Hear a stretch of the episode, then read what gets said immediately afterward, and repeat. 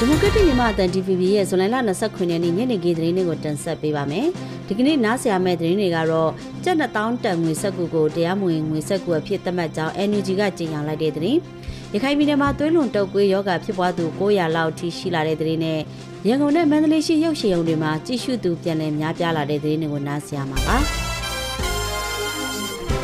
စစ်ကောင်စီကလာမယ့်ဇွန်လ30ရက်နေ့ထုတ်ဝေမယ်လို့ကြေညာထားတဲ့ကျပ်2000တန်ငွေဆက်ကူကိုတရားမဝင်ငွေဆက်ကူအဖြစ်သတ်မှတ်ကြောင်းအမျိုးသားညီညွတ်ရေးအစိုးရ NUG ကဒီကနေ့ဇွန်လ29ရက်နေ့မှာထုတ်ပြန်ကြေညာလိုက်ပါတယ်။ပြီးခဲ့တဲ့ဇွန်လ23ရက်နေ့ကစစ်ကောင်စီလက်အောက်ခံအဖွဲ့အစည်းဖြစ်တဲ့ဗဟိုဘဏ်က2000ကျပ်တန်ငွေဆက်ကူအမျိုးသားတစ်ကို2023ခုနှစ်ဇွန်လ30ရက်နေ့ကစပြီးရက်နေ့ထုတ်ဝေမယ်လို့ကြေညာထားပါတယ်။ ဒီလောက်ရဟာအဖက်ဖက်ကအကြက်တဲဆိုက်ရောက်နေတဲ့အာဏာသိမ်းစစ်ကောင်စီအနေနဲ့သူတို့သက်ဆိုးရှည်ရင်းနဲ့ပြည်သူလူထုတွေအပေါ်မှာရက်ဆက်စွာဆင်နွှဲလျက်ရှိတဲ့အကြမ်းဖက်တိုက်ခတ်မှုတွေ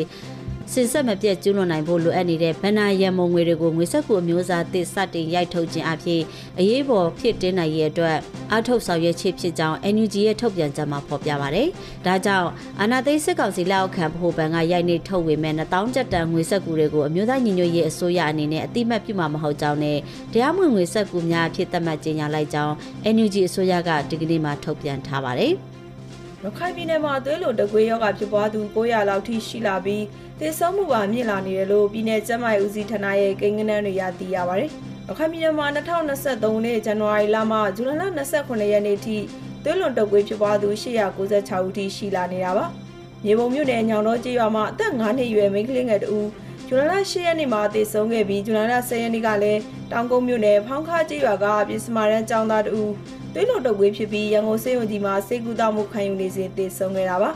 စစ်တွေမျိုးတဲချောင်းမှာမွတ်စလင်ကလေးတို့လည်းစစ်တွေစေယုံမှာစေကူတောက်မှုခံယူနေစဉ်သေဆုံးသွားခဲ့ရတယ်လို့ပေါတော်မြို့နယ်စေယုံမှာလည်းစေကူတောက်မှုခံယူနေစဉ်ကလေးငယ်တူသေဆုံးသွားပြီးဇူလိုင်လ26ရက်နေ့ကစစ်တွေမျိုးမြောက်စံပြကျေးရွာကရှစ်တန်းကျောင်းသားတဦးနဲ့အသက်၈နှစ်အရွယ်မိန်းကလေးတဦးသေဆုံးခဲ့ကြပါတယ်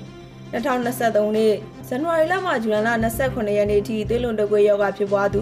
စုစုပေါင်း896ဦးရှိနေပါတယ်။ မန္တလေးမဟာအောင်မြင်မြို့နယ်မှာတက်တူးဆိုင်ဖွင့်ထားတဲ့နာမည်ကြီးဆယ်လီဇော်ဝင်းမောင်ဟာဇူလိုင်26ရက်နေ့ညပိုင်းကစစ်ကောင်စီရဲတပ်ဖွဲ့ဝင်တွေရဲ့ဖမ်းဆီးခြင်းကိုခံခဲ့ရတယ်လို့မြို့ခံတွေကပြောပါရယ်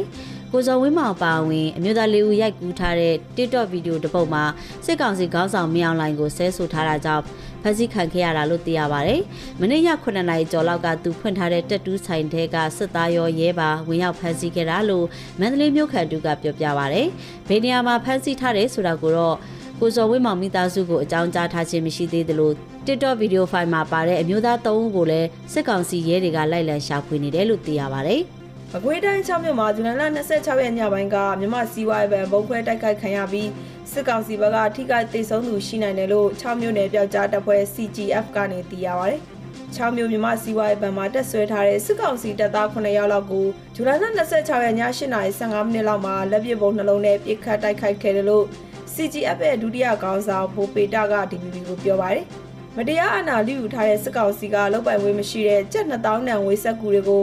ပြည်သူတွေဒုက္ခတွေရောက်ဆင်းရဲမွဲတေနေတဲ့ကြားကငွေကြေးဖောင်းပါမှုတွေဖြစ်ပြီးဆင်းရဲတွင်နဲ့တက်နဲ့အောင်အတင်းအဓမ္မထုတ်ဝေနေတာကိုမကျင်တဲ့လို့တိုက်ခိုက်ခဲ့ကြတာလို့ပြောပါတယ်။အကွေးတိုင်းမြိုင်မြို့နယ်မှာလည်းဇွန်လ26ရက်ညပိုင်းကမြို့နယ်စီမံခန့်ခွဲရေးရုံးနဲ့စစ်ကောင်စီရဲ့စစ်ဆေးဂိတ်တစ်ခုတိုက်ခိုက်ခံရပြီးထိခိုက်ဒေဆုံးသူရှိနိုင်တယ်လို့မြိုင်မြို့နယ်ပကဖကနေသိရပါတယ်။ မြိုင်မြို့စီမံခန့်ဝဲရုံနယ်စစ်ကောင်စီရဲ့စစ်ဆေးရေးဂိတ်ကိုဇူလိုင်လ26ရက်ည6:48မိနစ်မှာလက်နက်ကြီးတွေနဲ့ပြစ်ကူပေးပြီးလက်နက်ငယ်တွေနဲ့အနီးကပ်ဝင်ရောက်ပစ်ခတ်ခဲ့တယ်လို့မြိုင်ပကဖရဲ့ပြန်ကြားရေးတာဝန်ခံက DPP ကိုပြောပါရယ်ရန်ကုန်နဲ့မန္တလေးမြို့မှာရှိတဲ့ရုပ်ရှင်ရုံတွေမှာရုပ်ရှင်ကြည့်ရှုသူတွေခုနှစ်ဇွန်လပိုင်းလောက်ကလေးကပြန်လည်များပြားလာတယ်လို့ရုပ်ရှင်ရုံဝန်ထမ်းတွေကနေတစင်သိရပါဗျ။ COVID-19 ကပ်ရောဂါကြောင့်ရုပ်ရှင်ရုံတွေကို2020ပြည်နှစ်ကစတင်ပိတ်ခဲ့ပေမဲ့စစ်တပ်အာဏာသိမ်းပြီးတဲ့နောက်ပိုင်း2022ခုနှစ်ဧပြီလ16ရက်နေ့မှာစစ်ကောင်စီကအတင်းကျပ်ပြန်လည်ဖွင့်ခိုင်းခဲ့ပါတယ်။အစပိုင်းကကြည့်ရှုသူနေပါခဲ့တာကြောင့်ရုပ်ရှင်ရုံတချို့ပိတ်သိမ်းခဲ့ရပေမဲ့ဇွန်လပိုင်းလောက်ကစပြီးကြည့်ရှုသူတိတိကျကျများပြားလာတယ်လို့သိရပါဗျ။စနေတနင်္ဂနွေလိုရုံးပိတ်ရက်တွေမှာကြည့်ရှုသူပိုများပြီးဇက်ကားတကားပြတဲ့ပွဲချိန်တိုင်းမှာအမြဲလူပြည့်တယ်။ဂျားရက်တွေမှာလည်းပိတ်ရက်လောက်ကြီးတဲ့သူမများပေမဲ့တစ်နေ့ကိုပြန်မြလူ100ကျော်လောက်အနည်းဆုံးကြီးလာတယ်လို့ပုဂ္ဂလိကရုပ်ရှင်ရုံဝန်ထမ်းတူကပြောပါတယ်။ရုပ်ရှင်ုံတွေမှာလက်စစ်မီးပြတ်တာများနေတာကြောင့်လက်မှတ်ခန့်ဈေးနှုန်းတွေကိုတိုးမြင့်ထားပြီးလက်မှတ်တစ်စောင်ကိုအနည်းဆုံးကျပ်4000ကနေစတင်ရောင်းချကဇုံတွဲခုံတွေကတော့ကျပ်18000အထိတိုးမြင့်ရောင်းချနေတယ်လို့သိရပါတယ်။ နိုင်ငံတော်အာဏာကိုတရားဝင်သိမ်းထားတဲ့စစ်ကောင်စီကပြည်သူတွေပုံမှန်သွားလာနေတဲ့ပုံရိပ်ရရှိဖို့ရုပ်ရှင်ုံတွေကိုအတင်းအကျပ်ပြန်လည်ဖွင့်ခိုင်းခဲ့ပေမဲ့အမှုပညာရှင်တွေကိုဆက်လက်ဖမ်းဆီးတာတွေကြောင့်ပြည်သက်တွေကရုပ်ရှင်ုံတွေမှာသွားမကြည့်ပဲတပိတ်မောက်ထားကြတာပါအခုချိန်မှာတော့နာမည်ကြီးရုပ်ရှင်တရုပ်ဆောင်တော်တော်များများပြန်လည်လွတ်မြောက်လာပြီးဒီနောက်မှာတော့ရုပ်ရှင် TV ဇလန်တွေနဲ့ကြော်ညာရိုက်ကူးရေးတွေမှာအမှုပညာရှင်တွေရဲ့လှုပ်ရှားမှုတွေပြန်လည်မြင်တွေ့လာရတာဖြစ်ပါတယ်ရှင်